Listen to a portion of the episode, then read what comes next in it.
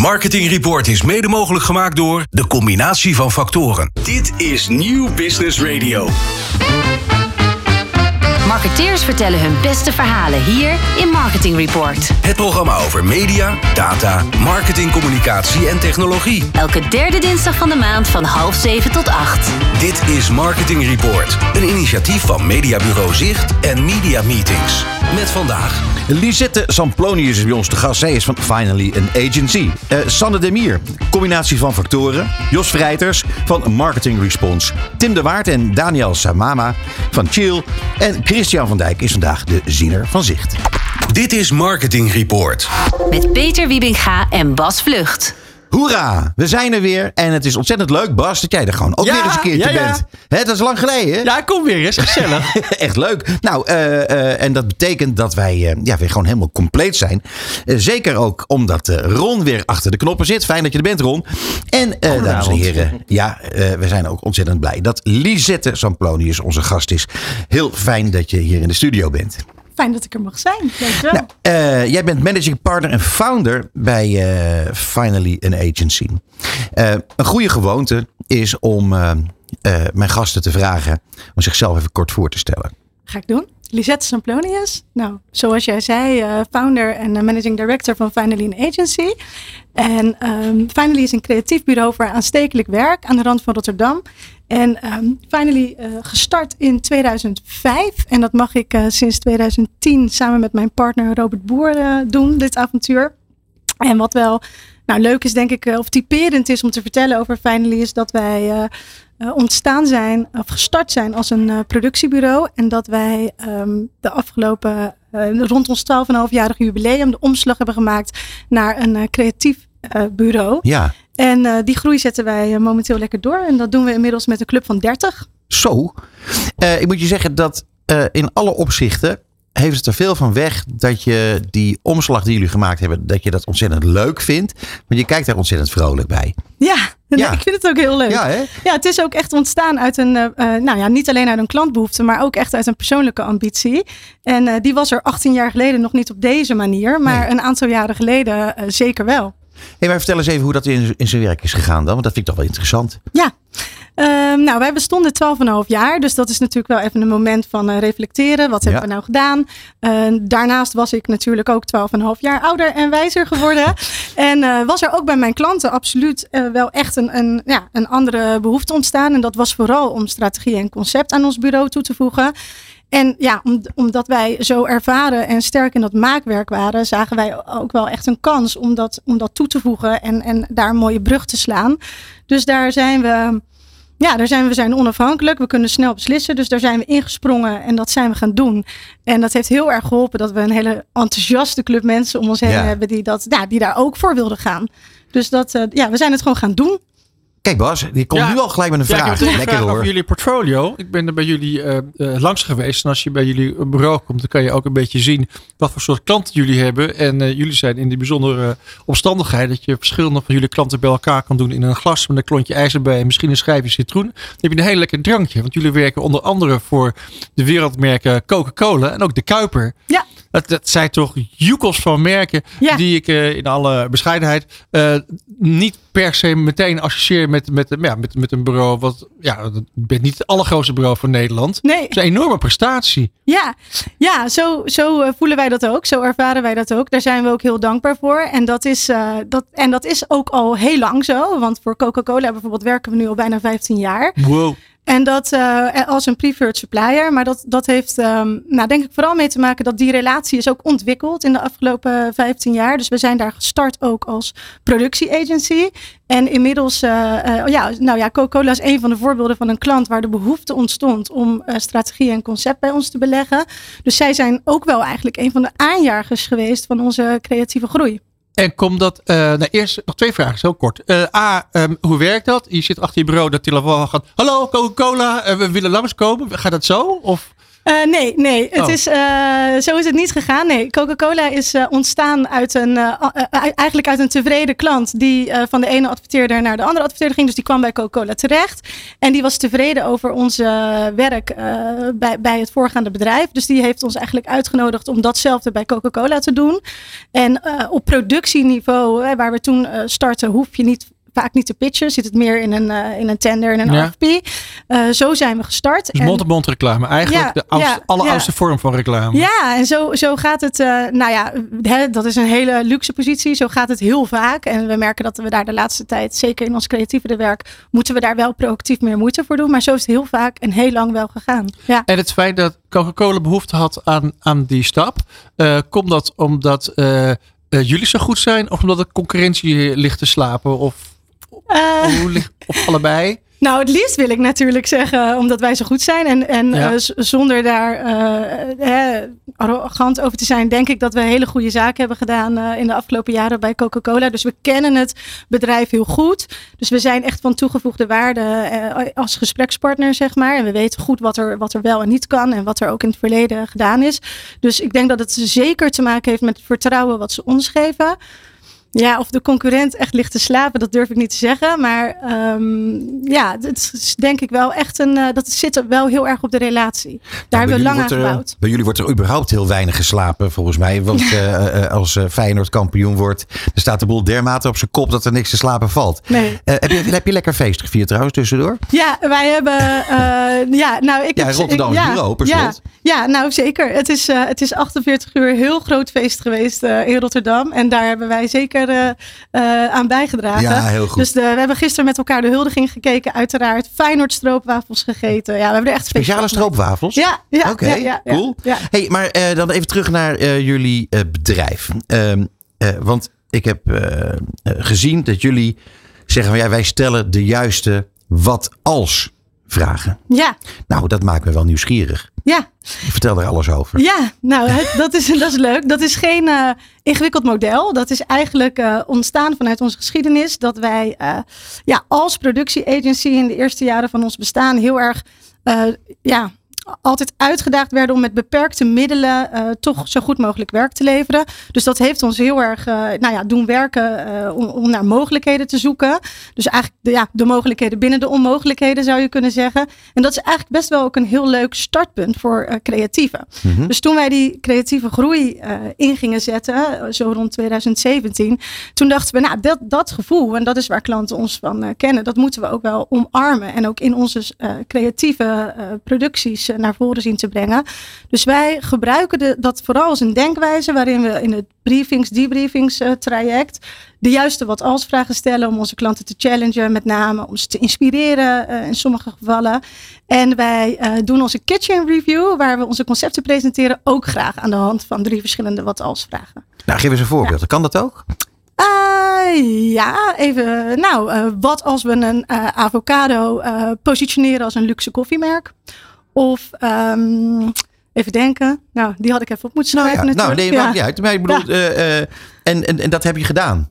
Ja. Ook? Ja. Ja. Ja, Ja. ja, ja, dat is ja, zeker. Ja, heel- ja, dat nou, dat, is, dat is een van de eerste klanten die, die ook het, hè, want we bedenken het, we maken het, zeggen we. Nou, dat maken deden we altijd al. Dat denken, dat is er, eh, dat is er eh, bijgekomen. Ja. En dat was één, eh, dat is het merk AvoJoy.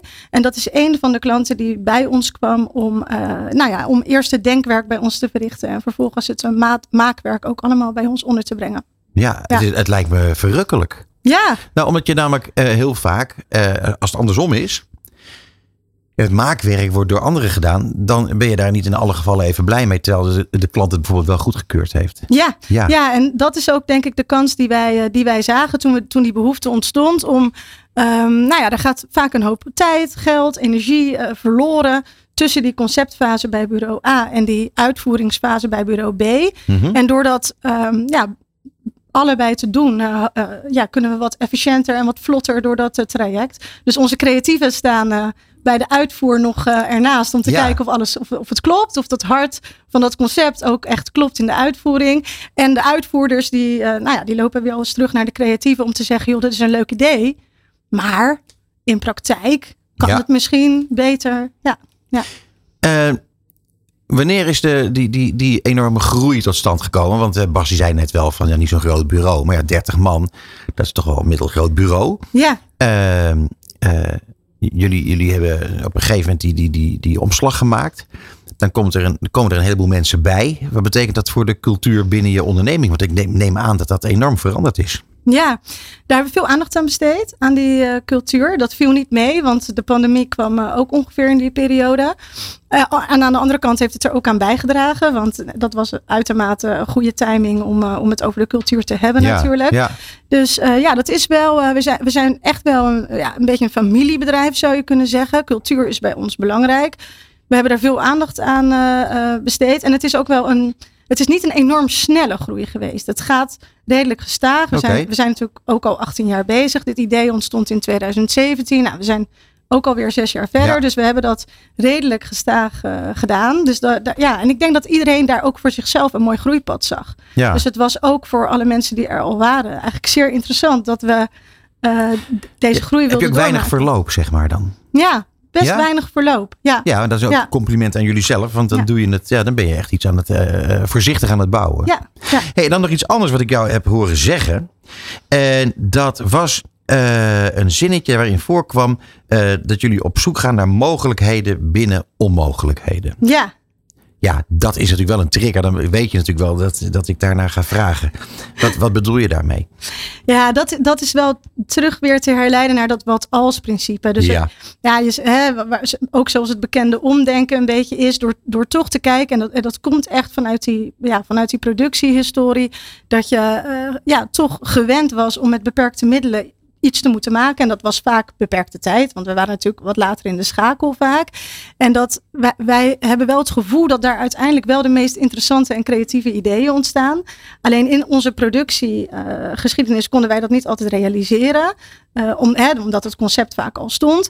En nu wij zelf wat meer aan die voorkant zitten en die creatievere eh, projecten draaien. En, en veel meer inspraak hebben op strategie en concept.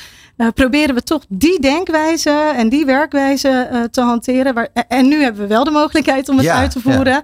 Ja, ja, wij, wij hebben echt het gevoel dat de- door zo te denken er ja, toch interessantere ideeën ontstaan.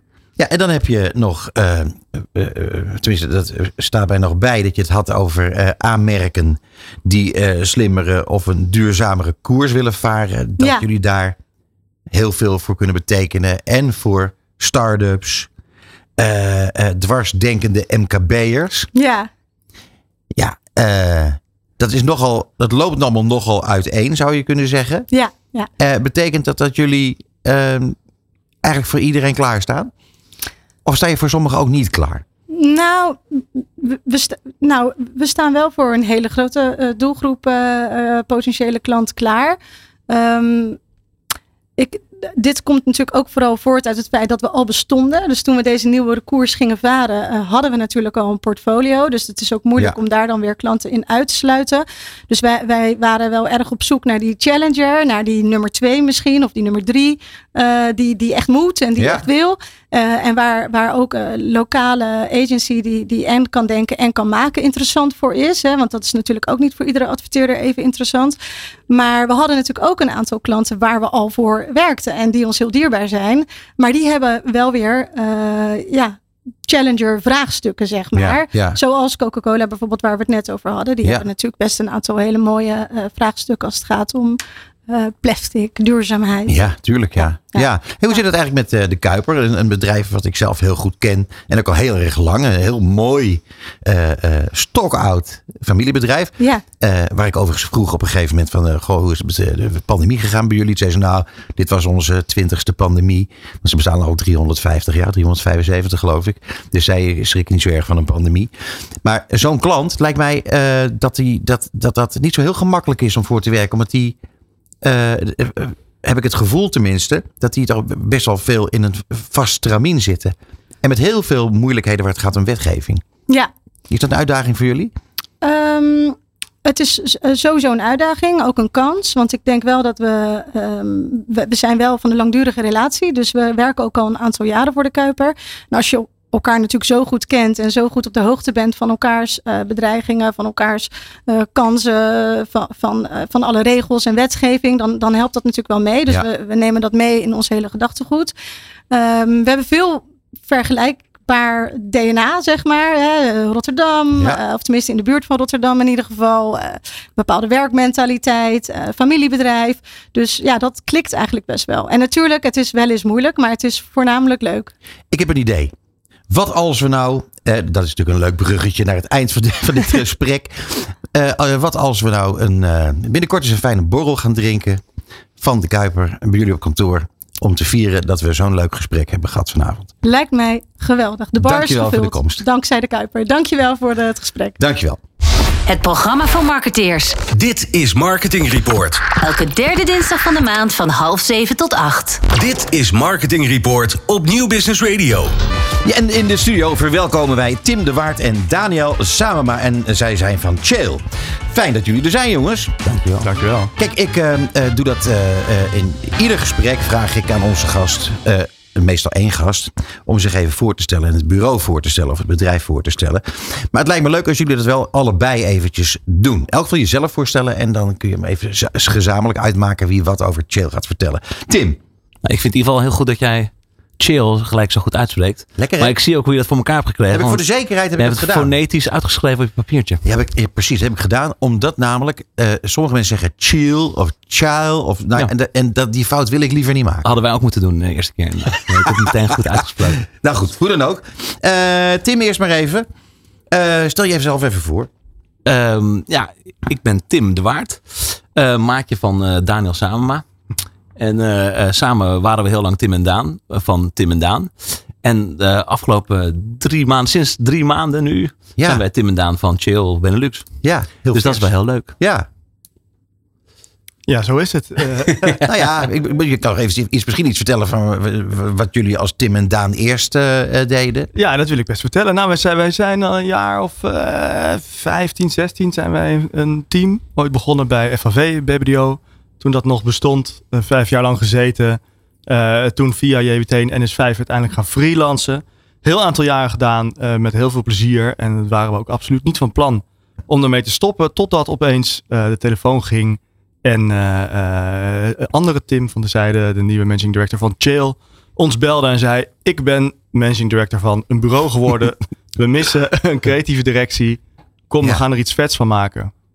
En zo gezegd, zo gedaan. Dat klonk als een heel groot avontuur, ja. ja. Voor die 15 jaar zaten we overigens bij elkaar in een band. Dat wel leuk. Oh ja? Oh, dat wil ik ook nog even weten. Wat voor ja. muziek? Uh, jazz. Nee, ja. serieus? Hele oh, wat leuk. Daar gaan we na de uitzending wil ik dan nog even over hebben. Want anders ga ik jezelf helemaal los. En, en dit programma gaat daar dan toevallig niet over.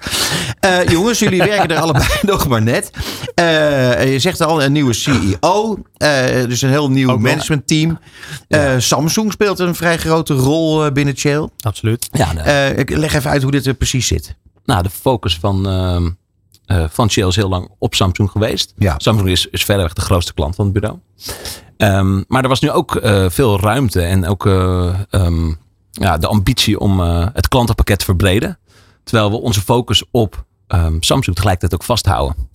Dus, en dat is de, de missie voor de komende jaren van ons tweeën, maar ook gewoon van het, van het hele MT. En daarom is ook Tim van der Zijde, die Daan net al even kort noemde, ook uh, aangetrokken. Ja. Om, om toch met, uh, met een, een, jonge energie dat voor elkaar te gaan krijgen.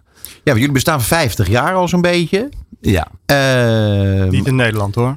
Nee, dus maar goed. Het, het, netwerk bestaat 50 jaar en, en Chill Benelux zelf 15 jaar. Oké. Okay. Om er nabij. maar goed, als dan de grootste en de vaste klant Samsung is dan is het denk ik inderdaad ook wel verstandig om af en toe met nieuwe teams te komen. Denk je niet? Met nieuwe teams? Ja, binnen, binnen, binnen het bureau. Ja, zeker, zeker. Dat doen ze bij Samsung zelf natuurlijk ook. Ja. Uh, Samsung is een vast, fantastisch bedrijf, maar heel erg op zoek naar het nieuw. Altijd. Dat is ook natuurlijk hun rol. Ze zijn echte innovatoren, innovators. Uh, en daar hoort ook verjonging en vernieuwing bij. Ja, je hebt er één, heel goed. Ja, ik heb er één. Ja, ja, wij nog niet, die, die krijgen we nog.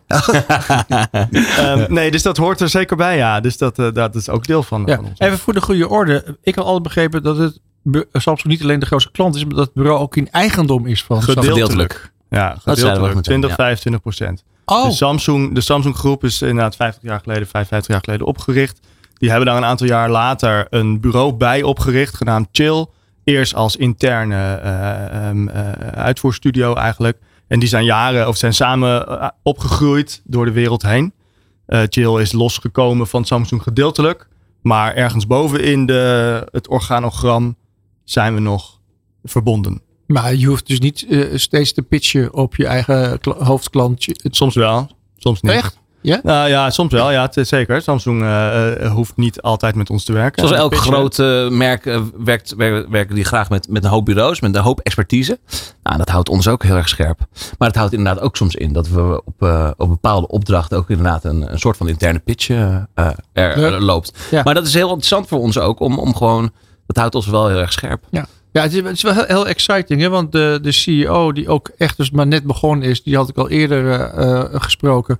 Voor hem was het eigenlijk ook een, een, een bold stap om, om, om dit te gaan doen. Iets heel nieuws en, Ja. eh, en wat iets wat voor hem helemaal niet voor, voor, de, voor de hand lag. En nu zijn jullie gekomen. Wat was de, de doorslaggevende reden waarom jullie er opeens zo'n, ook zo'n eigenlijk ingrijpende, spannende, grote stap zetten? Ja, de kansen die er, die er liggen zijn heel groot in ons, eh, ons inzien. Kijk, Chill is een heel goed lopend bureau. En de samenwerking met Samsung is heel fijn en vruchtbaar. Ehm, eh, en dat is een fantastische basis om op uit te breiden. En die vraag ligt er, ook vanuit het netwerk. Eh, die ruimte ligt er. Er is overal verjonging. We hebben een MT van acht man. Zeven daarvan zijn in de afgelopen één of twee jaar erbij gekomen. Je noemde net, onze CEO is overigens niet Tim, die jij nu noemt, die is managing director. Onze CEO is Yunwon Cho, is een Koreaan. Ja. eh, die ook eh, een, een- sinds een jaar bij ons is aangesloten. Dus er ligt op alle fronten ligt er energie om te groeien. Terwijl de basis, en dat is retail en digital en commerce en ook reclame, best goed is. En dat leek ons een hele vruchtbare grond om op te bouwen en een prachtig avontuur om te doen. We waren zelf ook eh, als Tim en Daan op een punt aangekomen waar we graag direct voor klanten gingen werken. Naast het feit dat we ook vaak natuurlijk voor bureaus als freelancers werkten. Dus we begonnen het heel fijn te vinden om, om autonoom voor klanten te werken en, en direct te, schakelen. En nu kwam dit op ons pad. En dat was zo'n eh, groot avontuur. En eh, we hadden ook juist het gevoel dat met alle kennis die we opdoen in het dagelijkse werk voor Samsung, eigenlijk daar ook een heel groot wapen ligt. ehm, eh, en heel erg in het voordeel kan werken van een heleboel andere klanten in Nederland. Dus daarmee gewapend met die gezonde ambitie en avontuurlust. En is dat een woord? Ja, het is- is- avontuur. in ieder geval gewapend ge- zijn we. eh, Avontuurlust. dit dit zijn we hier ingestapt. En het gaat. eh, ja. En het is de eerste drie maanden is nu een flinke rollercoaster. Maar eh, de, ja, de, de, de mogelijkheden beginnen zich Hey, maar de, te de, avontuurlust, nou, die begrijpen we. Eh, dan de, de luxe basis die je hebt, die begrijpen we ook. Ehm, en dan is natuurlijk de vraag, waar zijn jullie dan naar op zoek? Wie, wie, eh, welke klanten moeten erbij komen? Wie zijn het meest geschikt om bij jullie eh, aan te sluiten? Ja, een, een hele hoop. Nee, wat je ziet is dat ehm, de basis van Chill ligt, ligt eh, in, in eh, commerce, dus retail, digital. eh, ehm, eh, en in toch al ook een beetje tech klanten of innovatieve klanten. Mhm. Ehm, nou, daar hebben we een hele hoop aan, aan, aan te bieden. Ehm, maar daar, daar houdt het wat ons betreft absoluut niet op. Nee. Nee, Ja, en ik denk dat elke, elke klant dat die, ehm, die nu op zoek is naar iets wat, wat eh, een bureau dat de verschillende métiers samen eh, in, zich, in zich vat, zoals, zoals retail, digital en eh, eh, advertising zelf. Ik denk dat, dat, eh, dat, dat bureaus niet meer eh, specifieke bureaus voor alles kunnen hebben en eigenlijk op zoek zijn naar een bureau dat het allemaal heeft. ja. Er zijn natuurlijk veel 360 full service bureaus. Maar bij ons zit het wel echt helemaal in het, in het DNA. Dus ik denk dat we in, in dat opzicht een heel hoop verschillende soorten klanten in Nederland kunnen servicen. En heb je, waar, zitten jullie nou echt op te pitchen? Wil, eh, wat wil je nou het liefste? Want ik bedoel, je hoeft geen eh, directe naam te noemen. Maar eh, is het nou zo dat je zegt, nou wij zijn echt nu op zoek naar een eh, grote supermarktketen. Die moeten, moeten we eigenlijk wel... Dat zou heel goed kunnen. Ja, Ja, die, die, absoluut. dat is eigenlijk iets wat wel gewoon zou moeten. Ehm, eh, ze dat luisteren zou- allemaal, dus je kunt maar beter nee, gelijk ja Dat zou zeggen. zeker kunnen, ja, ja, ja. Als je te maken hebt met consumentenproducten die eh, verkocht moeten worden, eh, dan wel eh, via echte winkels, dan wel online. eh, en een grote digitale aanwezigheid. En ook geïnteresseerd bent in hoe we bijvoorbeeld je aanwezigheid in een winkel of bepaal, of bijvoorbeeld flagship stores zouden vormgeven. Dan moet je zeker even komen praten, ja. Ja. Hey, en dan eh, data natuurlijk. Ook nog. Ja, daar hebben jullie natuurlijk Data. Er heel veel, heel veel eh, mee van doen. Is dat een, eh, een, een, echt een specialisme? Het is een specialisme van het netwerk. Ja. Eh, dat is een van de dingen die wij nu ook eh, naar onze, onze vestigingen, de Benelux-vestiging, proberen te krijgen. Het netwerk is daar absoluut mee bezig, ja. En ook maar eens een open deur in te trappen. Data is in principe niet heel veel. Maar het is natuurlijk precies wat je ermee, Wat je ermee wat je mee doet. Ja. En goede strategieën en goede eh, ideeën zijn daarbij gewoon ja, nog steeds, nog steeds leading. Maar het is inderdaad waar dat we hoop inzicht hebben in hele interessante da- data waar we eh, verschillende goed mee zouden kunnen servicen. Ja. Hey, en dan nog even terug naar Samsung, waar het gaat om. Ik zei net eh, eh, een luxe positie dat je die als, eh, als basis hebt. Zitten er nadelen aan om eh, een bureau te zijn wat zo eh, verweven is met Samsung? Ja, ik denk vooral, nou ja, ja en nee. Kijk, het is natuurlijk prachtig dat je zo samen opgroeit. Maar het is ook, eh, je kan elkaar ook heel erg voor lief gaan nemen. Beide kanten op. Hè? Mhm. Wij leunen op hen. Zij denken misschien, oh, daar heb je chill weer. Eh, dus dat, het, het, het spannend houden van die relatie. Dus kan een beetje voelen als het broertje of het. zusje, weet je wel, die, Ja. eh, die Mhm. toch aanwezig is. Ja, Eh, ja. Dus dat is, dat is zeker dat soort dingen spelen natuurlijk, ja. Maar ja, tegelijkertijd, ehm, eh, ja, als, als je dat dan weer een nieuw leven inroept of zo, is er ook altijd wel weer een nieuw aspect aan elkaar te ontdekken. En kan je daarmee weer verder. Hey, en eh, overheid zouden jullie ook wel willen hebben.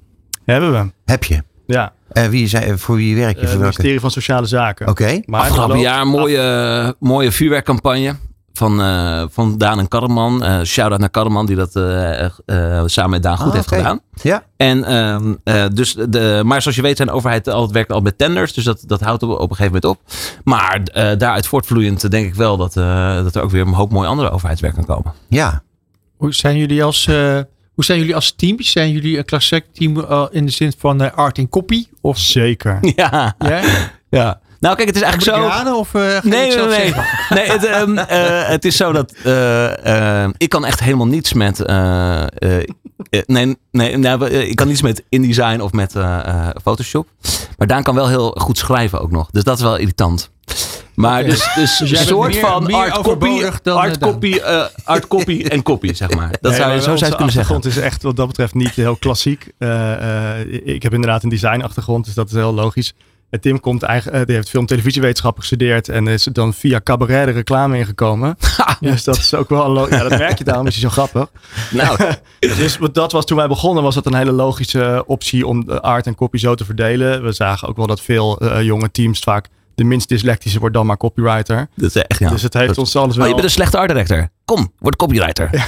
Dat is gewoon... ja. wel ik heb- ik vandaag- heel helder. Uitgerekend vandaag gehoord dat eh, webdesign, dat moet ik zeggen, UX moet ik er tegen zeggen. Oh ja? Dus dat schijnt dan, dat Ik vroeg het laatst ook. Ik was op zoek naar een webdesigner. En toen mag ik het nog interaction design noemen? Nee, nee, nee. Het inderdaad nu je user experience. Maar dat bestaat er ook al lang, UX, toch? Oh. Nou ja. Eh, Ja, zeker. eh, hey, maar dan, eh, jongens, eh, de, de, eh, het bureau. Hè, Ja. eh, jullie missie is om eh, eh, een nieuwe positionering eh, te geven aan, aan eh, Chill. Eh, eh, hoe gaan jullie dat allemaal doen? Want eh, je gaat processen veranderen of wat, wat gaat er allemaal gebeuren? Nou, dan we zoeken de beste mensen in het vak. We hebben ongelimiteerde hoeveelheid energie en ambitie. Ehm, dat zijn de eerste twee dingen die volgens mij daarbij belangrijk zijn. Ja. Daar komen daarnaast komen allemaal ehm, kleine, kleinere dingen. Zoals gewoon efficiënter werken, beter werken. Eh, nieuwe eh, trends in je eh, business proposities opnemen. Eh, weet je, elk bureau is natuurlijk ook nu bezig met AI en alles wat daaruit vo- voorkomt. Zo, en wij dus ook. Ja. Ehm, ehm, en zo proberen om toch onderscheidend te zijn in een, in een wereld die supersnel verandert. Want er gebeurt gewoon heel veel om je heen. Dat is het mooie van ons vak. dat denk ik ook. Ja. Dan is het ook heel mooi als je dus als bureau een bijdrage kunt leveren aan een mooiere wereld. Hè? Ja, Ja, dat is mooi als je dat kunt doen. Dus eh, als ik een suggestie mag doen tenslotte. eh misschien wat meer jazz in reclame. Yes. Daar zouden mensen toch enorm voor kunnen opknappen. Denk je niet? Zeker. Nou, de mindset in ieder geval. Ja, zo is dat. Jongens, eh, het is alweer gedaan met de tijd. En eh, enorm veel dank voor jullie komst naar de studio. Eh, wij gaan het allemaal reuze goed in de gaten houden. Want dit was Leuk om natuurlijk te zijn. veel te kort. Eh, tot binnenkort. Dankjewel. Dit is Marketing Report op Nieuw Business Radio. En in het tweede deel van ons programma ontvangen wij nog eh, Sanne de Mier. Zij is van de combinatie van factoren. Jos Vrijters van Market Response. En natuurlijk Christian van Dijk. Vandaag de ziener van zicht. Marketing Report. Zicht op media. Ja, dames en heren. eh, ik had eigenlijk nog eh, gedacht dat we nog, dat we nog iets zouden horen over eh, zicht en zo. En, eh, maar daar ben je. Christian van Dijk, jij bent eh, de ziener vandaag. En dat vind ik altijd heel plezierig. Ik ook. Wat Heel leuk je- om weer te zijn. Wat heb je allemaal meegenomen voor ons?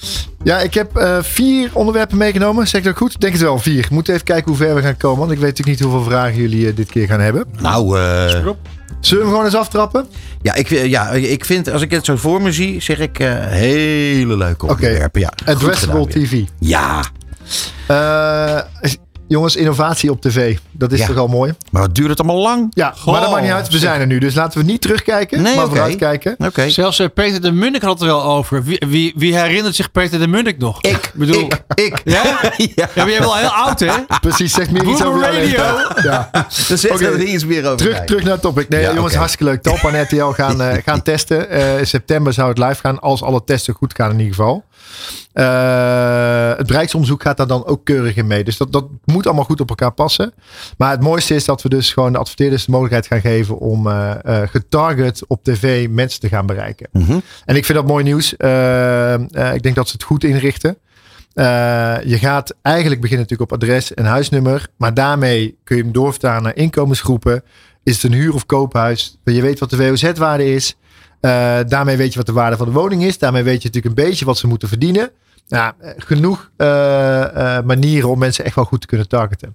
En dat gaat gewoon best wel veel mogelijkheden geven. Ik denk meteen eh, privacy, privacy, privacy. Ja, daar- daar- daar rechtszaken, rechtszaken. aan, Ja, klopt. Dat, gaat, eh, dat is eh, zeker een terechte vraag. Maar je gaat niet op één huishouden targeten. Dus de doelgroep moet eh, groot genoeg zijn. Dus je praat vanaf 100 of 1000 huishoudens die je gaat targeten. Eh, postcodegebieden, Ja. eh, dan pak je dus ook een wijk. Dus het is niet op persoonsgebonden. Kijk, ik woon bijvoorbeeld eh, in Haarlem in een, in wat ze noemen het reservaat. Dus ik krijg waarschijnlijk dan heel veel reclame Ja. voor, voor diervoeders. voor leeuwen, tijgers. Met dat- ja. langzaam gegaat stoofvlees voor je hond. Dat ga je waarschijnlijk wel dat krijgen. denk ik, ja. ja. Nee, maar dit biedt wel echt veel mogelijkheden. En ik denk dat, hè, dus ook als je kijkt naar de, naar de markt. het gaat ook voor adverteerders, maar bijvoorbeeld ook voor boodschappen zelf. Hè. Dus Videoland kan andere series promoten, wat hartstikke leuk is. Eh, het gaat waarschijnlijk nieuwe adverteerders ook wel aanspreken. Tuurlijk. Die geen geld of budget hebben voor echt een landelijke tv-campagne. Maar nu wel op het grote scherm kunnen komen. Ja. Eh, ja, en gewoon dat op de goede plek. Ja, dat, En op de goede plek. fantastisch. ja, exact. En ik denk ook wel dat, want ik, eh, eh, hè, want de, als je kijkt naar de manier van inkopen, het gaat via CPM-inkoop. Dus niet de oude GP-prijs waarbij je gewoon pakket koopt. Dus het is wat meer de digitale kant. Eh, biedt ook wel enorme kansen voor bijvoorbeeld AB-testen en dus regionaal testen. En hoe mooi is het als je een landelijke campagne hebt, maar je hebt verschillende vestigingen om daarna in de, in de tag-on van de commercial één specifieke vestiging in die regio de aandacht te geven die die verdient. Mhm. En dat gaat, ja, ik, ik, ik, ben, ik, vind dat leuk. Ik, ik denk dat ik daar eh, echt wel. Maar wat zou dit nou gaan betekenen eh, in concreto? Ik, een voorbeeld. Hè? Ik Ja. ben ooit geboren in Friesland. En toen ben ik verhuisd naar het, het westen. ja, En waar ik als eerste achter kwam, was dat moppen, maar dat was natuurlijk een hele andere tijd.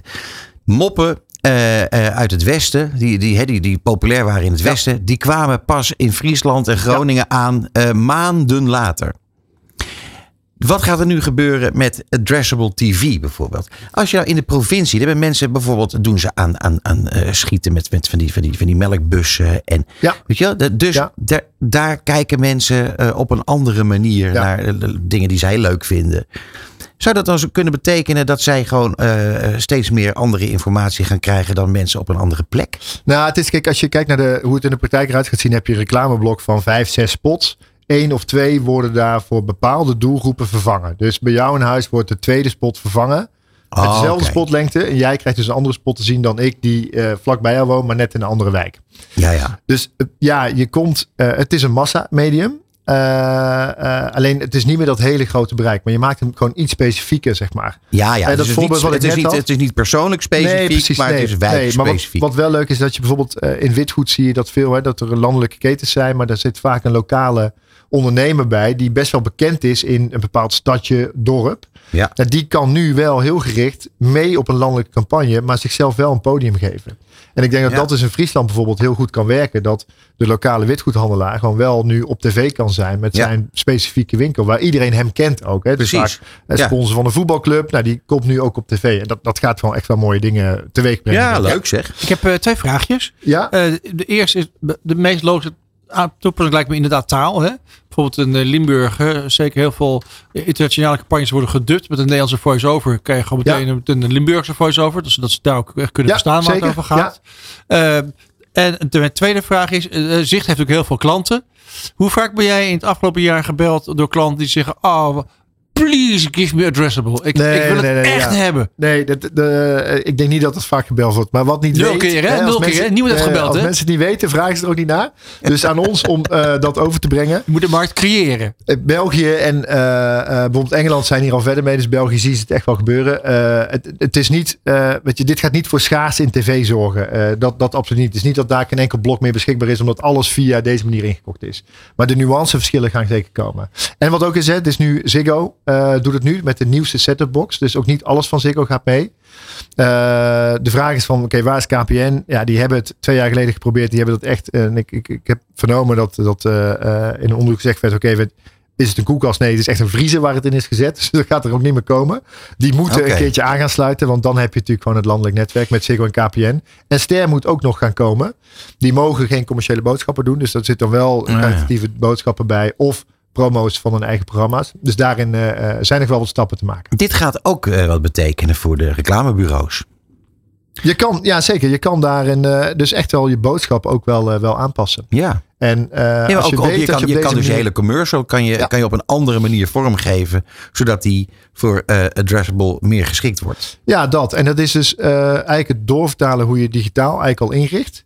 Eh, die gedachtegang kan je nou op je tv-spot gaan doen. Dus als je gaat Ja. schieten, als je dus eh, de tv-commercial gemaakt wordt, dan is het wel zinvol om na te gaan denken, waar kan ik regionaal gaan testen? Of waar kan ik die nuance gewoon, eh, gewoon verhogen? Ik denk dat, en dat zeggen wij, media is zeker niet het antwoord op alles. Eh, het is heel erg in de combinatie ook met de boodschap. Nou, dat, dat versterkt op deze manier echt enorm. Ja, ik Ja. heb nog een vraag hoor. Nog één? Als je het niet erg vindt. Ik had het Kijk- al gewaarschuwd aan het begin Ja. van deze Ja, ja. Kijk, luister, je hebt het allemaal over toch van, hè, ja, we kunnen allemaal targeten en we kunnen allemaal dingen loslaten op basis van inkomen en waar mensen wonen en zo. Maar eh, aan de andere kant, aan de ontvangende kant, eh, Ja. hoe zit dat? Misschien vind ik het wel heel erg leuk om bepaalde reclames nooit meer te ontvangen. En, eh, dat ik gewoon zeg van, luister, opzouten. En, maar dat vind ik wel leuk. Ja. Omdat ik misschien een verzoekje van, doe mij alleen maar reclames voor luxe auto's graag vanaf nu. Ja, dat zou mooi kunnen zijn. Kijk, uiteindelijk Kan hè? Kan, technisch, kan, technisch kan ja, het ze hè? kunnen ook eh, naar kijkgedrag wel gaan kijken. Dat gaat zeker komen. En eh, je moet consent geven. Dus je gaat wel toestemming geven om gepersonaliseerde boodschap te krijgen. Dat zit er wel al in. Welke je dan gaat krijgen, dat is nog niet gestuurd. Maar ja, wie weet, over een paar jaar eh, gaat dat misschien wel komen. Ja. Ik, ik deel Ik zie jouw het wel helemaal voor me dat inderdaad dan komt bijvoorbeeld jouw vrouw op een gegeven moment terug na een, een lange vakantie. Hé, hey, waarom krijgen we alleen nog maar reclames over, nou ja, weet je wel, vul maar in. Ja, Leuk? zou helemaal kunnen. Leuk? Kan ook gevaarlijk worden. Zeker. Ehm, nou, ik, ik ben helemaal de weg kwijt wat Bas hier bedoelt. Eh, gaan we het ook nog hebben over digitale mediabestedingen? Ja, want eh, er is een eh, de Digital Ad Spend Study 2022 is uitgekomen. Altijd wel Ja. goed om heel even bij stil te staan. Eh, ze zijn met 13% gegroeid naar 3,5 miljard. Eh, dat is hoog. Eh, maar er zijn een paar conclusies die ik heel even aan wilde stiepen. Mhm. Eh, het is een stabiele groei, wel lager dan verwacht. Dus dat is wel even iets van, oké, wat gaan we doen? Ehm, Lager dan verwacht. En is er een reden dan aan te koppelen? nou, dat, dat- waarschijnlijk toch door de onrustige eh, economie. Eh, toch de inflatie. We hebben nog steeds de oorlog. Dus mensen houden wel toch een beetje de hand op knip. En mensen in deze zin de adverteerders. Mhm. Ehm, dus daar moeten we wel naar kijken. Want wel eens als je kijkt naar een blik vooruit. Dan verwachten we wel weer een stabiele groei. Dus het gaat wel weer verder groeien ook. Met name dat we daar bij Digital Out of Home eh, gaat die komen. Die zijn eigenlijk weer hè, na corona weer helemaal terug op niveau. En eh, ze hebben hoge verwachtingen van retail media. En dat is ook wel een leuke. Dat zit natuurlijk heel dicht bij point of sale. Mhm. Eh, dus je ziet dat daarin echt wel een, een, dat is nog een klein onderdeel in de hele marketingmix. Maar dat gaat echt wel groeien met hoge percentages, bijvoorbeeld 42 Ehm, die advertentieuitgaven, eh, met name op dat paid search stuk, dat groeit nog steeds. En binnen display advertising wordt video steeds groter. Maar wat we wel zien, en dat vind ik eigenlijk misschien wel de leukste conclusie, is dat de global spelers, die groeien minder. Daar neemt het echt wel af. Dus TikTok is wel nog een uh, grote speler in groei, maar die is nieuw eigenlijk op dat social vlak. Uh, en je ziet dat eigenlijk lokale spelers, de, hè, bij de lokale uitgevers, daar zit met name meer groei. Komt door branded content, komt door ja, eigenlijk meer zoeken naar waar zit die relevantie.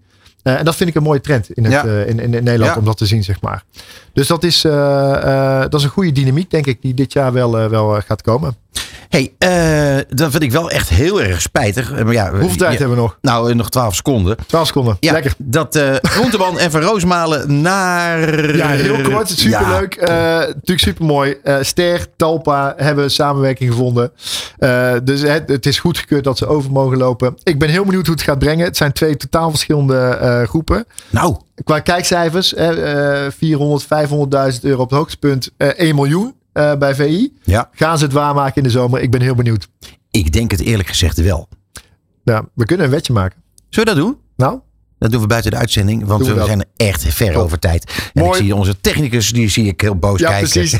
Jongens, dank jullie wel. maar, maar. Christian, mag ik jou weer enorm bedanken voor je bijdrage. We zijn echte bofferts dat wij elke keer een ziener van zicht in huis hebben. Graag gedaan. Dit is Marketing Report op Nieuw Business Radio.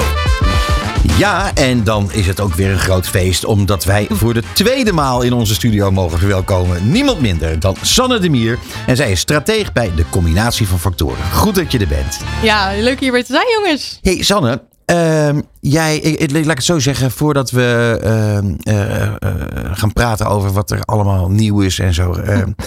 eh, zou je eigenlijk kunnen zeggen dat, de, de- dat het een combinatie is van steeds meer factoren? Hè?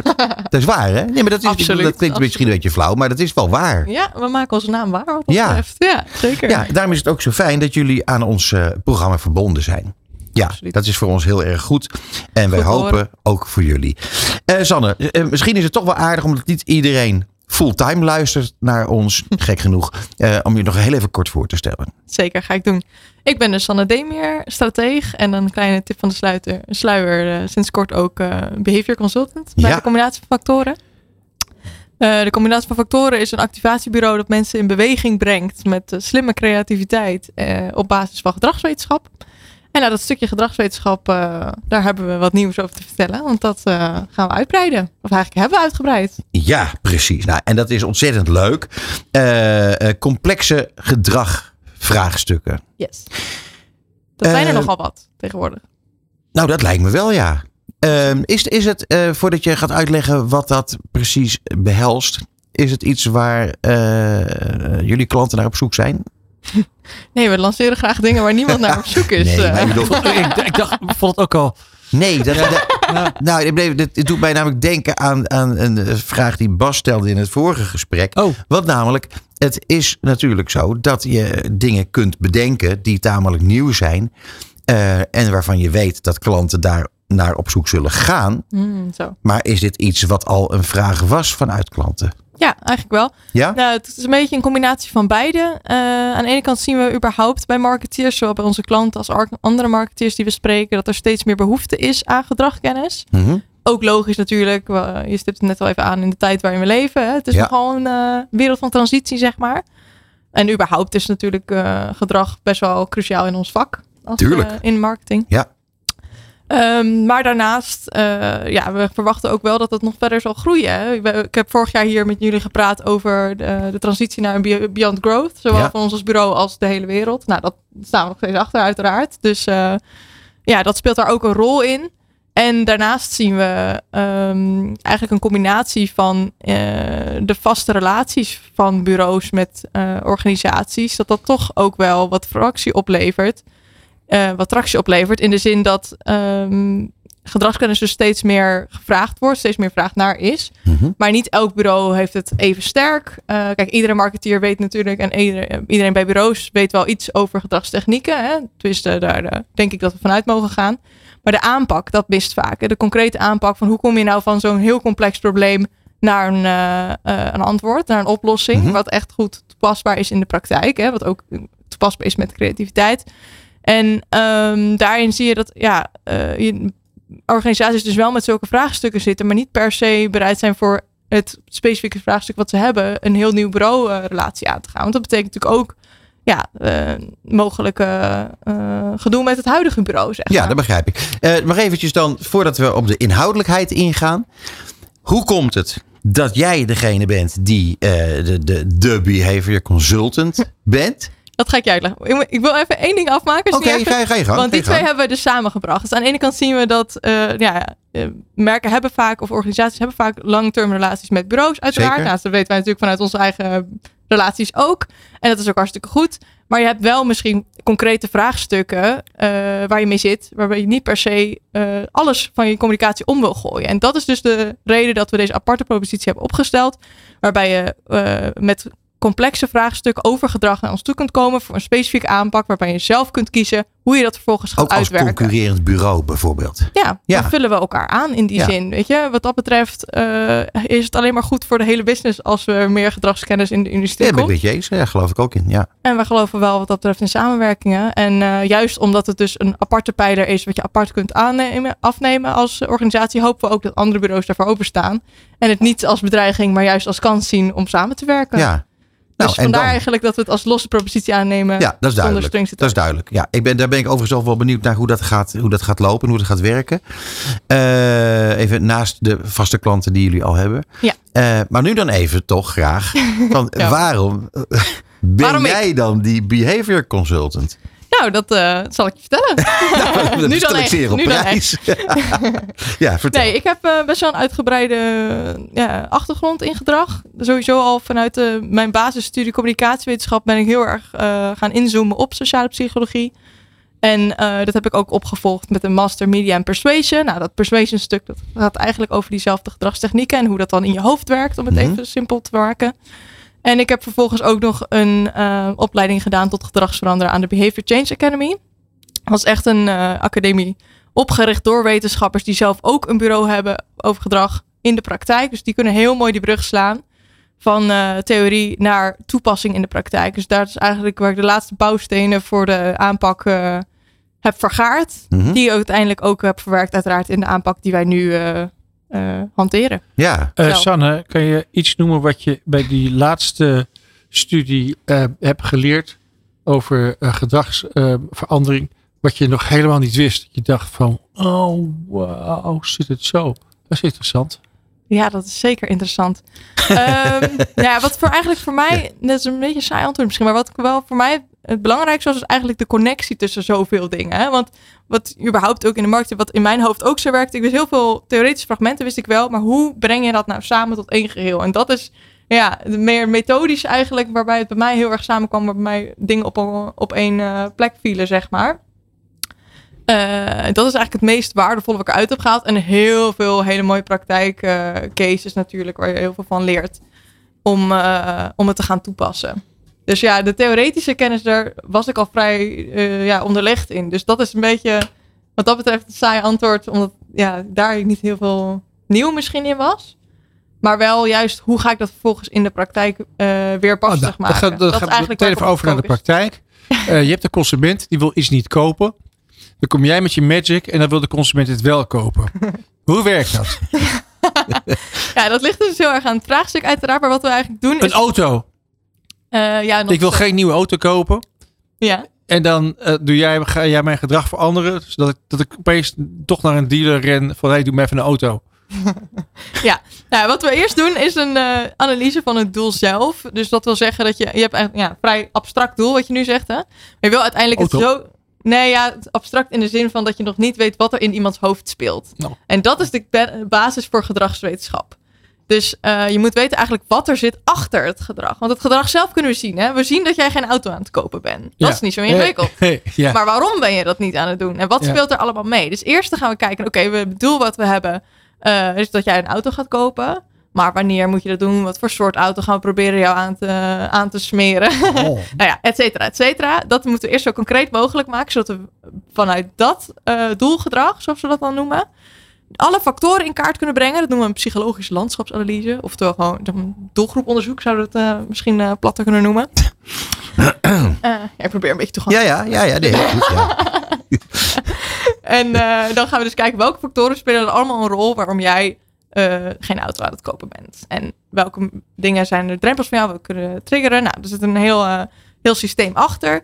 Vervolgens, en dit is het stuk wat ik vind dat er vaak mist in de praktijk, is er zijn best wel wat mensen, wat ik eerder al zei, die ook veel, uh, of in ieder geval een aantal uh, gedragstechnieken kennen, maar die koppelen die niet specifiek aan de factoren die op dat moment een rol spelen. En dat is een heel belangrijke stap, omdat je anders met logische kogels aan het schieten bent, om het zo te noemen. Want, uh, nou goed, er zijn een aantal principes dat, dat zijn, die zijn belangrijk voor iedereen. Hè? We hebben dezelfde basisbehoeftes, et cetera. Maar het is niet per se in die hiërarchie of in uh, het meest belangrijke mate in die situatie het meest belangrijk. Dus nou, hoe beter je die twee aan elkaar koppelt, hoe efficiënter de oplossing uiteindelijk wordt. En dan is het nog een hele, hele kunst om van die gedragstechnieken, want dat is natuurlijk nog steeds vrij theoretisch, om dat dan op een concrete manier met creatief werk in, in uh, praktijk te kunnen brengen. Dus daar ja, ook zit weer een verschil. Ergens komt dus de magie van de creatie ja. in het traject. En dat is natuurlijk ja, concreet, maar ook, ja, er zit ook zo van de, de, de mystiek van, de, van, de, van de, degene die creëert in. Die, nou, en, en dat moet je dan koppelen. Ja, um, niet helemaal. In deze propositie is het eindresultaat in principe dus je, je aanpak, maar wel inclusief hoe kun je dit concreet in de praktijk gaan brengen. Dus er zit wel een vertaalslag na creatie in, maar in principe niet het creatieve werk zelf. Natuurlijk zijn we ook, ik bedoel, we zijn ook een creatief bureau, dus we zijn natuurlijk ook wel geneigd om wat creatieve voorbeelden te geven om het wat tot leven te brengen. Maar dat ga je het, niet, hele doen sterke... naar de, niet doen naar de, de bureaus die naar jullie toe komen voor specifiek deze service. Uh, nou, die zullen het niet nodig hebben. Nee. Maar u kunt wel uh, daarmee zorgen. Dus je een, een voorbeeld geeft, kunt u wel zorgen dat je een Ja, brug slaat akkoord. naar. Hè? Dus dat ligt ja, een beetje aan. Maar eh, het idee is dat wij dus juist bij die aanpak eigenlijk eindigen tussen aanhalingstekens. Zodat we de organisaties zelf de eh, ruimte geven om te beslissen hoe ze dat willen gaan uitvoeren. Of dat met ons is, mag natuurlijk ook. Ja. Of wel met een ander. Maar het is wel Vandaar- super spannend, hè? Nou, weet je Ja, hoe spannend... Loopt, ja. er, loopt, er al, loopt er al iets? Zeker. Ja, bijvoorbeeld, Absoluut. bijvoorbeeld Oh. wilde ik het graag hebben over het Rode Kruis. Ja, dat is een hele leuke. Ja. Ja, Wil je daar wat over vertellen? Want, Ja, eh, want Bas die, die zit al smachtend te kijken. Die wil gewoon een voorbeeld. ja, en dat is dit. Dat is bijvoorbeeld het Actie. Rode Kruis. Ja, Ja. kom erop. Ja, nou ja, waar we altijd mee beginnen. hè, Als je gedragsverandering nodig is, dan is er iets veranderd. Dus dat is als de eerste vraag. Wat is er veranderd? Ja. En in dit geval zijn we met het Rode Kruis eh, in het vraagstuk gedoken. Hoe kunnen we jongeren zover krijgen dat zij op hun manier ook gaan doneren? En doneren even in de breedste zin van het woord. Dat is dus ook een mooie stuk wat uit die doelanalyse is gekomen. Die eerste misschien een beetje vage fase. Nou, wat is doneren precies? Nou, dan heb je het over geld, tijd en in bij ons geval ook exposure. Dat is alweer een, een nou, leuk eerste inzicht. Er zijn verschillende manieren van eh, doneren. Ja. En dat komt eigenlijk vanuit het probleem dat eh, eigenlijk het businessmodel van de meeste... Ja, businessmodel een beetje raar om te zeggen als het over goed doel gaat. maar hè, nee, vind ik de manier hoe het werkt, Ja. is de, hetgene waar ze het meest van uit, eh, uithalen, is als mensen een vast bedrag maandelijks doneren. Jongeren Zeker. zijn steeds minder bereid om dat te doen ten opzichte van andere generaties. Mhm. Ehm, nou ja, past ook misschien in de tijdsgeest. Hè? Dat is altijd een discussie. Heb je het over generatie, denk ik, heb je het over de tijdsgeest. Maar eh, we zijn in ieder geval eh, het boegbeeld van de tijdsgeest natuurlijk. En eh, dat wil ook zeggen dat als je deze mensen binnen wil halen, dan moet je op een andere manier daar tegenaan gaan kijken. Moet je dat op een andere manier gaan inrichten. En dat is best wel spannend. En dan wil je dat dus op een gedegen manier aanpakken. En zo zijn we eigenlijk hiermee begonnen. Dus eh, wat we hebben gedaan is nou ja, eigenlijk het traject dat ik net aan Bas vertelde hoe het, hoe het begint. We hebben ook een hele leuke brainstorm sessie gehad. Echt van eh, nou, wel bijna vier uur. Eh, Behoorlijk eh, lang. Mhm. maar dat levert heel veel op. Omdat je dan al die kennis vanuit de theorie kunt koppelen aan de kennis van de praktijk. Want dat is natuurlijk, het is echt een samenwerking met de klanten. Want ze hebben natuurlijk heel veel kennis in huis. Zeker. En daar wil je ook gebruik van maken. Ik zeg altijd, ik ben, zij zijn eigenlijk de expert van het probleem. Zij Ja. weten het meest over het probleem. Ik kan me zoveel inlezen als ik wil. Ik kan heel veel onderzoek zelf doen. En dat doe ik uiteraard ook. Maar uiteindelijk weet zij meer dan ik. Want dat is Ja. de reden dat ze naar me toe komen. En vervolgens ben ik de eigenaar van de oplossing, zeg maar. Van de aanpak. We goed. Ja, van de aanpak om te beginnen. ja, precies. Maar wat en dan gedaan? samen maken we de oplossing. Dat is eigenlijk het verhaal. Ja. Dus ja, we hebben, nu, we hebben dus die eh, brainstorm sessie gedaan. Eh, ik ben nu bezig met het rapport. En er zitten een heleboel hele mooie haken in. En we gaan in dit geval dus ook wat uh, creatieve uh, voorbeelden wel meegeven. En ehm, ja, dat is echt super leuk. En ik denk dat het ja? leuk is om uiteindelijk met jullie dan de case ook te delen als we hem helemaal nou, af heel hebben. graag. Dat gaan we helemaal doen. Kan je alvast wel iets zeggen, heel misschien, over uh, wat de bedoeling is? Want als die Gen Z praten we over, geloof ja, ik. Hè? zeker. Nou, die willen dus niet een maandelijks bedrag betalen. Nee, liever niet. Nee, liever niet. Dus daar moet je of iets anders voor verzinnen.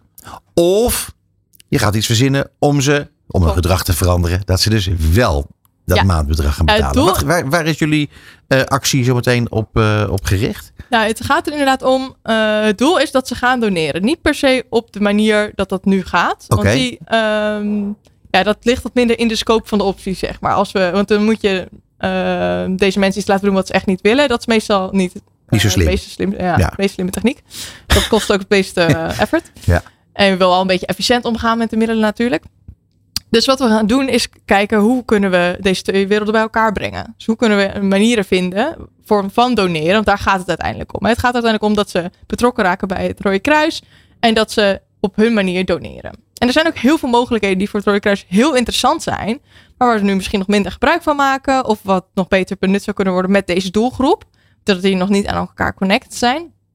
En um, het probleem daarbij is, is dat één gedeeltelijk is dat nog niet zo ingericht. Nou goed, dat, dat is, uh, uh, ja, dat moet ontwikkeld worden natuurlijk. Dat is een praktisch vraagstuk. En aan de andere kant leveren bij, uh, bij jongeren, of bij jongvolwassenen in dit geval, Gen Z, um, leveren best wel wat vooroordelen of assumpties die helemaal niet aan, uh, ter sprake zijn. Dat is de allereerste stap die je eigenlijk weg moet nemen. Bijvoorbeeld, jongeren hebben natuurlijk vaak uh, relatief weinig geld. Ook relatief weinig kosten, verantwoordelijkheden. Maar met name het idee, we hebben geen geld, dus dan ga je ook geen geld weggeven. Mhm. Want hè, er zijn mensen met meer geld, laat hen dat dan maar doen. Of, Ja. even zeggen. of gewoon letterlijk denken, ik ben, eh, ben daar niet toe in staat. Ehm, maar het heeft ook te maken met hoe je dat dan prioriteert. Hè? Stel dat je bijvoorbeeld drie keer in de week eh, naar de McDonald's gaat, dan heb je er natuurlijk eigenlijk wel geld voor. Maar dan Precies. ervaar je dat niet zo, omdat je dat in je kosten Keuzes, meeneemt. keuzes omdat het over maken. keuze gaat. Nou, ja. Dat is bijvoorbeeld al één zo'n twist wat je, uh, nou ja, waar je mensen bewust van zou kunnen maken om die, uh, uh, om die drempel weg te nemen. Dat is even een heel concreet voorbeeldje. Maar uiteindelijk is het doel dat zij op hun manier gaan doneren met of met geld of met tijd. Of, en deze hebben we speciaal toegevoegd met exposure. Want dat is natuurlijk iets waar Gen Z als een malle uh, expert in is. Ja.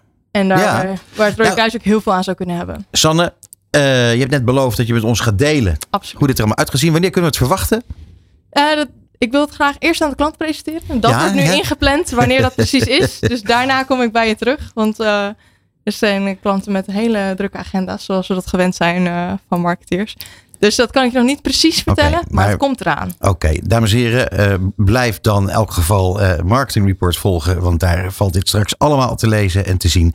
Dit was Sanne Demier, stratege bij de combinatie van factoren. Dankjewel voor opnieuw eh, bij ons in de studio te zijn. Heel graag gedaan. Dit is Marketing Report op Nieuw Business Radio. Ja, en onze laatste gast van vandaag is Jos Vrijters. Hij is CCMO bij Market Response. Welkom in de studio. Dankjewel, leuk om hier te zijn. Nou, ik vind het ook superleuk dat je er bent. eh, want je hebt een hartstikke fijn verhaal. Eh, maar goed, dat gaan we horen, dames en heren. Ja, eh, Jos, een goede gewoonte is om altijd even onze gasten te vragen om zichzelf kort voor te stellen. En dan gaan we daarna verder met elkaar praten. Ja.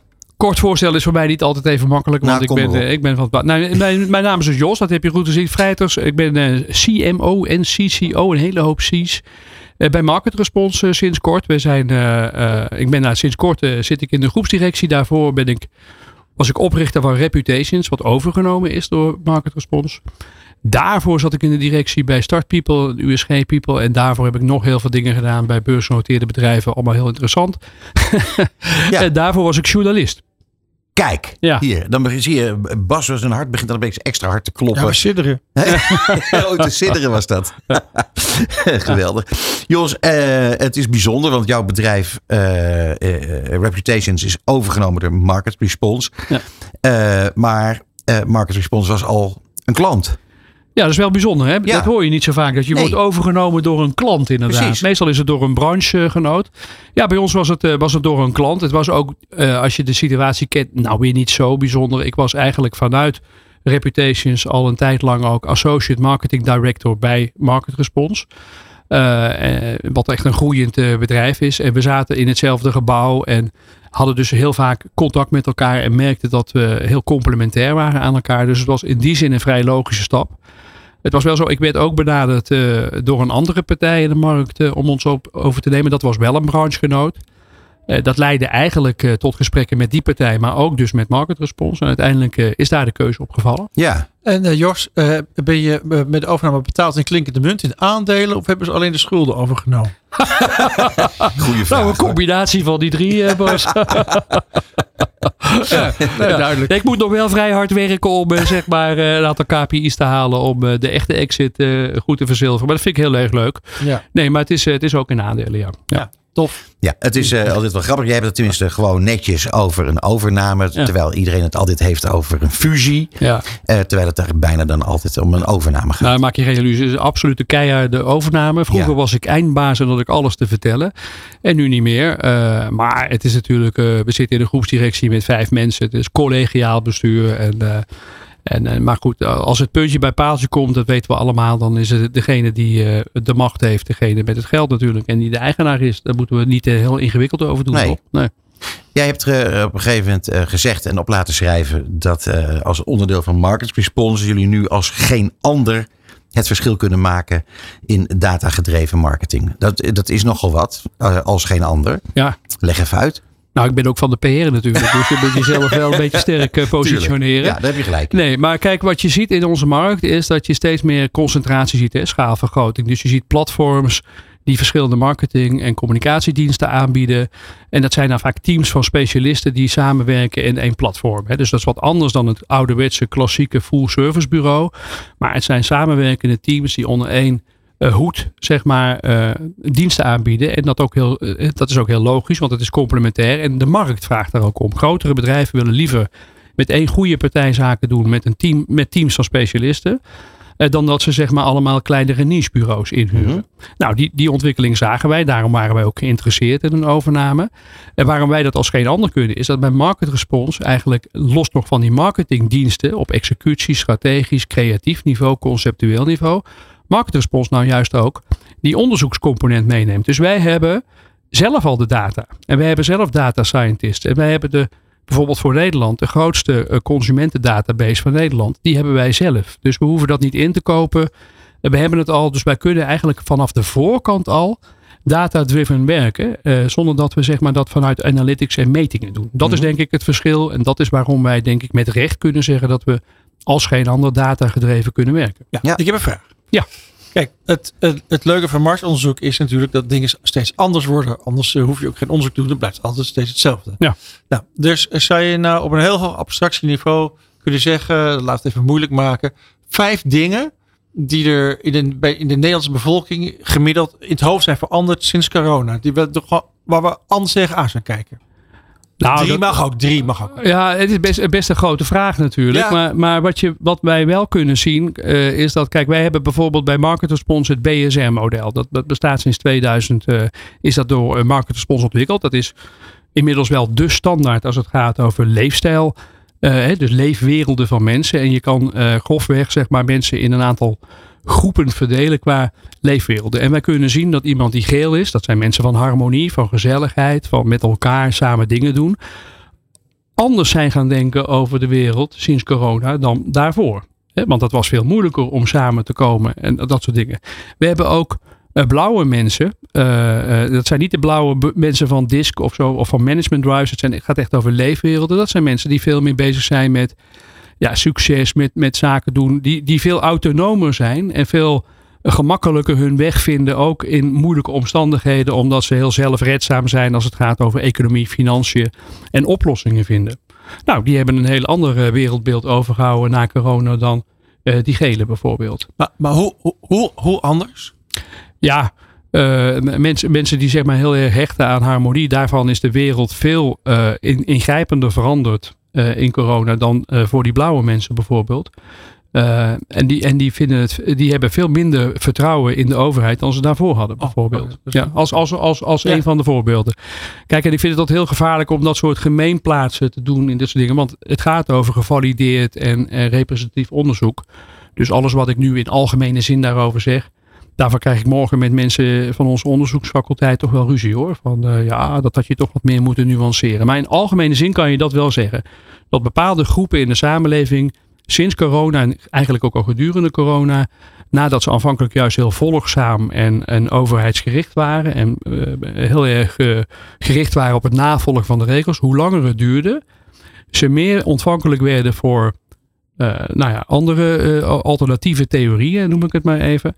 En ook het vertrouwen in de overheid zijn kwijtgeraakt. En dat geldt bijvoorbeeld ook uh, in de slipstream van, uh, van, van corona. Bijvoorbeeld voor de toeslagenaffaires, de gaswinningen. Dus dat je ziet dat in, in bepaalde groepen het vertrouwen, het wantrouwen tegen die overheid veel groter is geworden dan in andere. Oké, okay, dan meteen nog een vervolgvraagje. Stel je voor, je bent uh, Unilever, noem maar een bedrijf. En Mhm. je hebt, verkoopt shampoo, André Lon.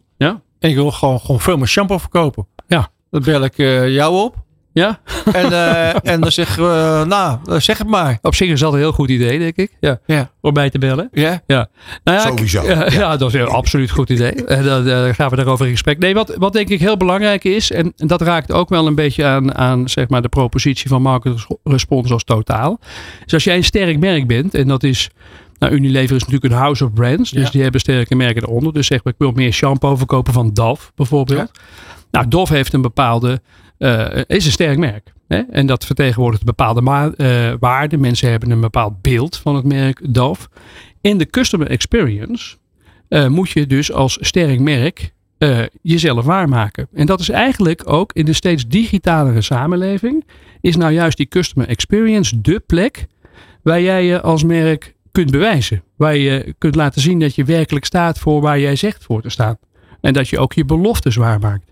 En als er wat is met dat merk, je hebt een klacht of je hebt een mindere ervaringen, je gaat contact opnemen.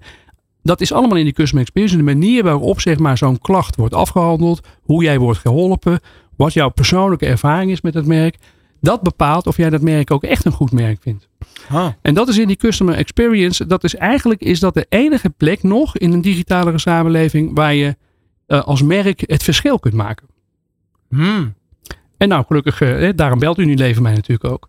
Want wij zijn gespecialiseerd in het optimaliseren van die customer experience. Ja, ah. en jij zei bijvoorbeeld dan ook van uh, hoe persoonlijker uh, je de boodschap kunt maken. Uh, echt naar een persoon toe. Dus ook vanuit de data die jullie zo goed ja. voor elkaar hebben. hoe lo loyaler die, die, die, die relatie wordt. Ja. Die, die, klantrelatie wordt. Ja. ja, het grappige is, je zit een, naar aanleiding van het voorbeeld van, van Bas. Uh, een, een, een, voorbeeld van een mooi sterk merk. Wat, uh, hè, waar mensen een, een, positieve associatie mee hebben. We hadden in de voorbespreking hadden we het even over, over Chubb Security.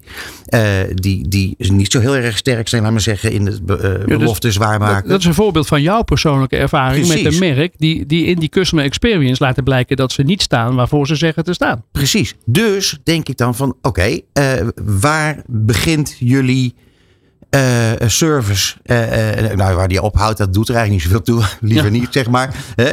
Maar bij, bij bedrijven die dit dus eigenlijk heel slecht doen, Mhm. mm -hmm. wat, waar, waar, begin je dan? Nou ja, waar je begint is, is, is best ook weer een grote vraag. Maar het gaat er uiteindelijk om dat je analyseert en meet van wat gebeurt er in die customer experience. Dus dat je dat kunt uh, uh, nou ja, meten, Mhm. mm -hmm. uh, volgen, monitoren, analyseren en zeggen: kijk, in de customer experience, elke keer als dit of dit woord valt, en dan gaat er iets mis en dan wordt of de klantenservice uiteindelijk gebeld, of er wordt gechat, of mensen haken af. Ja. Dan weet je dus dat er ergens iets gebeurt in die, in die reis van de klant, en waar blokkades zitten. Nou, dat kan je, dat kan je meten. als je zegt van ja, uh, dat, dat is eigenlijk nog een soort van oppervlakkige analytic. Hè? Je, je, je, dat kunnen we natuurlijk heel sophisticated met AI. Dus wij analyseren teksten van gesprekken met mensen uh, op, tijdens zo'n, in, in het klantcontact. Uh, maar je kan er ook nog voor gaan zitten. We hadden het net over die leefwerelden met Bas. Hè? Van die gele, blauwe, Mhm. groene, rode mensen van PSR. als wij weten dat jij klant bent en wij weten uh, welke kleur jij hebt, welke, wat jouw drijfveren zijn, dan weten wij ook wat jouw voorkeur is uh, hoe, je met, hoe er met jou gecommuniceerd wil worden. Waar jij behoefte aan hebt in zo'n reis. Op welke manier jij mee wil genomen worden Mhm. door het bedrijf in de uitleg. Als jij geel bent, heb je misschien wat meer behoefte aan eh, vriendelijkheid, harmonie, eh, aan de hand genomen worden, veel uitleg. Ben je blauw, dan wil je, dan zeg je ja, ik, ik- dat weet ik allemaal wel. Eh, help mij gewoon heel zakelijk en snel aan een antwoord. Ja. Nou, als wij weten dat jij in een bepaalde postcode woont en je komt eh, in die klantreis, dan denk ik nou, een grote kans dat jij blauw bent. En dan gaan we je op die en die manier met je communiceren. En als je dan tijdens die reis er blijk van geeft van nee, maar ik ben toch meer iemand die graag op die en die manier eh, te woord gestaan wil worden, dan analyseren we, meten we dat en schakelen we over naar die communicatiestijl. En dat maakt het steeds persoonlijker en steeds relevanter. Mhm. Ja, en dan eh, komt er een stuk loyaliteit om de hoek kijken. Ja. En daar ligt dan uiteindelijk het succes van Kijk, de campagne. eh, Kijk, als je, als je natuurlijk eh, hoe, hoe, hoe persoonlijker, hoe relevanter, hoe loyaler. En hoe beter jij geholpen wordt, hoe beter jouw ervaring is. Het is ik bedoel, dat is natuurlijk Zeker. een open deur. Dan ga Ja. jij bij anderen dat ook aanbe aan, aanbevelen. Je zegt nou, en je, je gaat bevestigen wat je al dacht van zo'n merk. Ik ben heel erg goed geholpen. Andersom, wat je met, je met je persoonlijke ervaring die je net noemde als voorbeeld hebt. Jij gaat dat, dat bedrijf vermoedelijk niet aanbevelen bij eh, jouw kennissen om daar ook eh, zaken mee te gaan doen. Zeker niet. Maar ik ga wel hen, eh, ik hoop dat ze luisteren, ga ik ze aanbevelen om, eh, om bij jullie even aan te kloppen. Nou, een goed idee. Ja, hè? ja. Hey, maar eh, Jos, dan is er nog iets anders waar we nog niet aan toe zijn gekomen. En, en dat moeten we wel nog even doen. Want namelijk het klantvriendelijkste bedrijf van Nederland. Ja. Dat is ook een mooi verhaal. Vertel. Ja, dat is, dat is echt wel een heel mooi verhaal. Dat bestaat al 16 jaar bij Market Response. Het is het grootste onafhankelijke doorlopende onderzoek naar klantvriendelijkheid eh, in Nederland. Dus eh, je moet ook een hele hoop waarnemingen hebben. Wil je überhaupt zeg maar, in, de, in de ranglijst van het klantvriendelijkste bedrijf van Nederland komen? Ja. Eh, voor afgelopen donderdag voor de zestiende keer zijn de awards uitgereikt. Tien branches, tien categorieën. En één overall winnaar. De overall winnaar was de Efteling. Eh, dat is ook wel bijzonder. We hadden het over corona. Twee jaar geleden in de coronatijd stonden ze op eh, plaats 70. Nu eh, overal winnaar. Dus die hebben een enorme slag gemaakt. En dat is interessant. Want bij het klantvriendelijkste bedrijf van Nederland. Daar gaat het er nou eigenlijk steeds over van. Ja, waar wordt nou werkelijk het verschil gemaakt in die customer experience als het om klantvriendelijkheid gaat? Klantvriendelijkheid is iets anders dan klanttevredenheid. Bij klanttevredenheid gaat het over hoe tevreden ben ik over het geleverde product, het geleverde dienst. Werkt het? Doet het wat het moet doen? Is het, eh, is het naar verwachting? Klantvriendelijkheid gaat over de manier waarop je bejegend wordt. Hoe de service is. Hoe mensen over jouw eh, eh, zeg maar dienstverlening praten.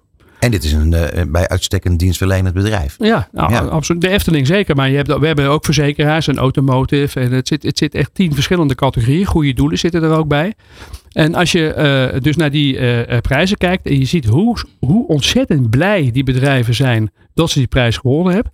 Dat is één ding. Maar wat al die bedrijven, al die winnaars elk jaar weer zeggen is, het verschil wordt gemaakt door onze mensen.